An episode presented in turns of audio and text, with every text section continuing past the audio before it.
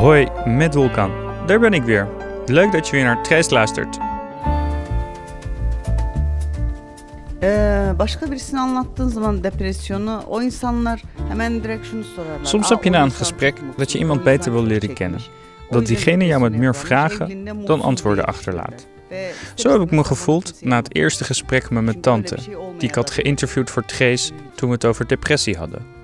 Ik was toen benieuwd of mijn tante wel een depressie had en of het niet verward werd met een burn-out.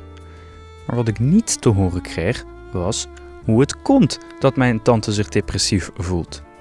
En ze is niet de enige die zich dagelijks somber voelt. Want 26% van de Turks-Nederlandse vrouwen is depressief of heeft last van depressieve klachten. Daarmee torent ze ver boven alle andere bevolkingsgroepen in Nederland uit.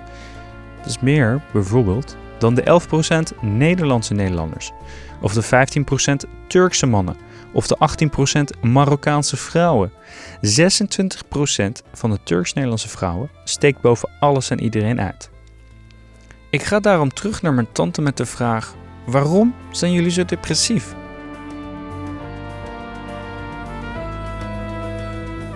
Maar voor ik die familietour opga, hoe weten we dat eigenlijk? Dat al die vrouwen, die 26%, depressief zijn? We vragen dat aan mensen. Heeft u last gehad van, eh, van sombere of depressieve gevoelens? Dit is socioloog Tanja Traag van het CBS. Ze vragen het gewoon, want elk jaar houdt het CBS een gezondheidsenquête. Bestaat die steekproef eh, uit 9500 respondenten. Met de gezondheidsenquête probeert het CBS onder andere de mentale gezondheid van Nederlanders in kaart te brengen. Eh, nou, uit ons onderzoek bleek dat 26% van de Turkse vrouwen die gaven aan dat ze dat soort klachten hadden gehad. Maar omdat het een steekproef is, zit daar een, eh, een betrouwbaarheidsmarge omheen. Eh, wat concreet betekent dat dat percentage vrouwen zo tussen de 21 en de 30 procent ligt. Mijn tante is één van die vrouwen met depressieve gevoelens.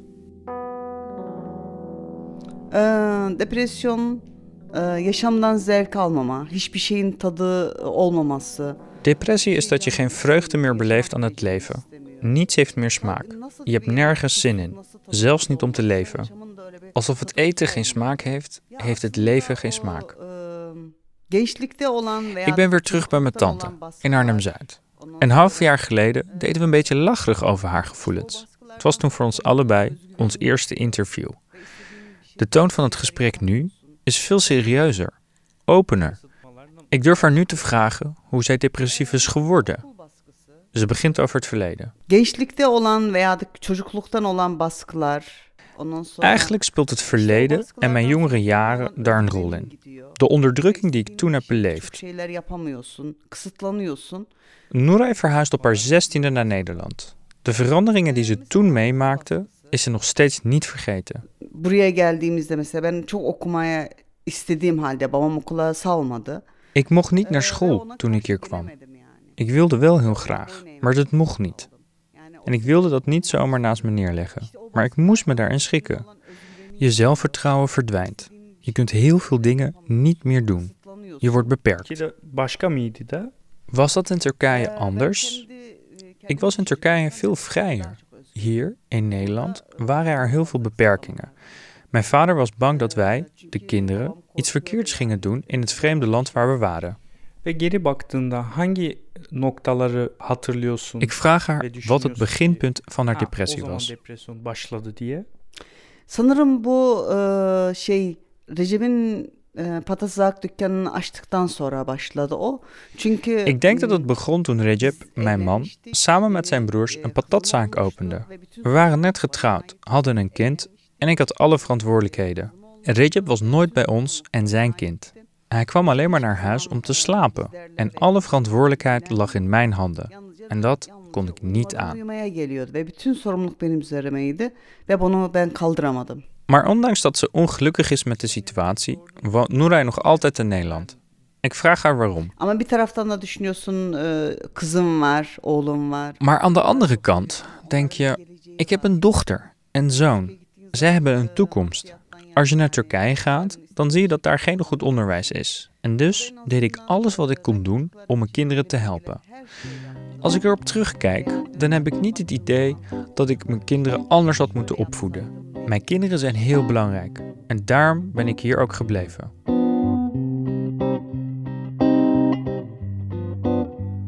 Haar kinderen zijn dus de reden dat ze hier blijft. Maar daarmee blijft haar depressie wel bestaan. 25 jaar slikt ze al antidepressiva en 20 jaar geleden ging ze een keer naar de psycholoog. Daar bleef het bij. Na de reportage van de serie Opgebrand waagt ze nog een poging en gaat ze bij een psycholoog langs. Een Turkse wel te verstaan. Mijn tante is groot fan. Waarom? Zij begrijpen mij beter, omdat ze het gedachtegoed hebben. Turken begrijpen me. Een Nederlander begrijpt me niet, denk ik. görenekleriyle bizimkisi çok çok farklı. Ze geeft me een voorbeeld. Yani e, nasıl ki bizde Zoals je bij ons Turk niet met schoenen naar binnen mag, bij de Nederlanders wel. Dat is een klein voorbeeld. En zo is het ook met de grotere dingen. Ik ben blij dat mijn tante de weg naar de psycholoog heeft gevonden. Daarvoor slikte ze jaren antidepressiva, net als ruim 20.000 andere Turks-Nederlandse vrouwen. De zorg vinden lijkt mij dé manier om van je depressie af te komen. Misschien is dat wel een reden dat ze depressief zijn. Misschien krijgen ze niet de optimale zorg. Ik vraag onze researcher Michelle om deze theorie te onderzoeken. Maar eerst even een theetje zetten. Je drukt op thee, maar je krijgt hem Oh, dus uit een ander gat. Shit. Michelle is net terug van vakantie. het gaat nog niet helemaal lekker. Michelle, je hebt een hele stapel papieren bij je. Er zijn twee manieren om behandeling te krijgen voor je depressie. En dat is antidepressiva of eh, naar de psycholoog natuurlijk. Eh, en de combinatie is dan het beste schijnt. Eh, en als je kijkt naar de cijfers over antidepressiva gebruik... dan zie je eigenlijk dat de Turks-Nederlandse vrouwen die depressief zijn... en antidepressiva slikken... dat dat percentage eigenlijk even groot is als bij de Nederlandse Nederlanders.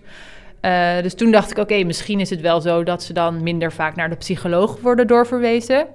Eh, want blijkt dat als je pillen slikt en, en praat, dat dat echt heel goed werkt. Terwijl als je alleen pillen slikt, dat dat dan veel minder goed werkt. Dus misschien dat er daar dan een, een soort van gat te vinden was. Maar dat was ook niet het geval. Relatief gezien liggen ze dichter bij elkaar dan zeg maar het verschil in, in die absolute getallen. Nou, het gaat niet om absolute getallen. Het gaat meer over het feit dat de groep Turkse en Nederlandse vrouwen... die is groot als het gaat om depressie. Dus logischerwijs is die ook groot als het gaat om antidepressiva gebruik. En daarom zijn die cijfers in beide gevallen zo hoog. En in verhouding slikt ongeveer evenveel Turks-Nederlandse vrouwen... die depressief zijn, antidepressiva als de eh, Nederlandse Dat is best wel opvallend, want het enige wat boven water staat is dat het gewoon de grootste groep is die aan depressies lijdt. Ja. Maar als we de cijfers induiken, geen gekke dingen zien eigenlijk. Is mijn vraag wel nog altijd, waarom is die Turks-Nederlandse vrouw koploper dan? Ja, ja, denk want dat dat- Ja, want ze kunnen die, de, de zorg die ze krijgen, die lijkt hetzelfde te zijn. Dus ja, waarom ze nou zo depressief blijven? Daar moeten we op doorvroeten. Ja. Dat worden nog een paar theetjes, denk ik. ja, dat denk ik ook. of koffies. Uit de cijfers kan ik niet opmaken dat de zorg anders is voor Turks-Nederlandse vrouwen dan andere groepen. De cijfers zeggen dat ze net zo vaak als anderen antidepressiva slikken en door worden verwezen naar de psycholoog. Die grafieken kan je trouwens inzien als je nu de app opent. Toch blijft er iets knagen, want wat gebeurt er bij die psycholoog? Mijn tante zei hierover Türk psikiyatri veya psikolog e, kendileri de yaşadıkları için Een Turkse zorgverlener heeft het zelf ook beleefd. Hij weet wat er speelt onder Turken. Ik denk dat hij het daarom beter snapt dan Nederlandse psychiaters.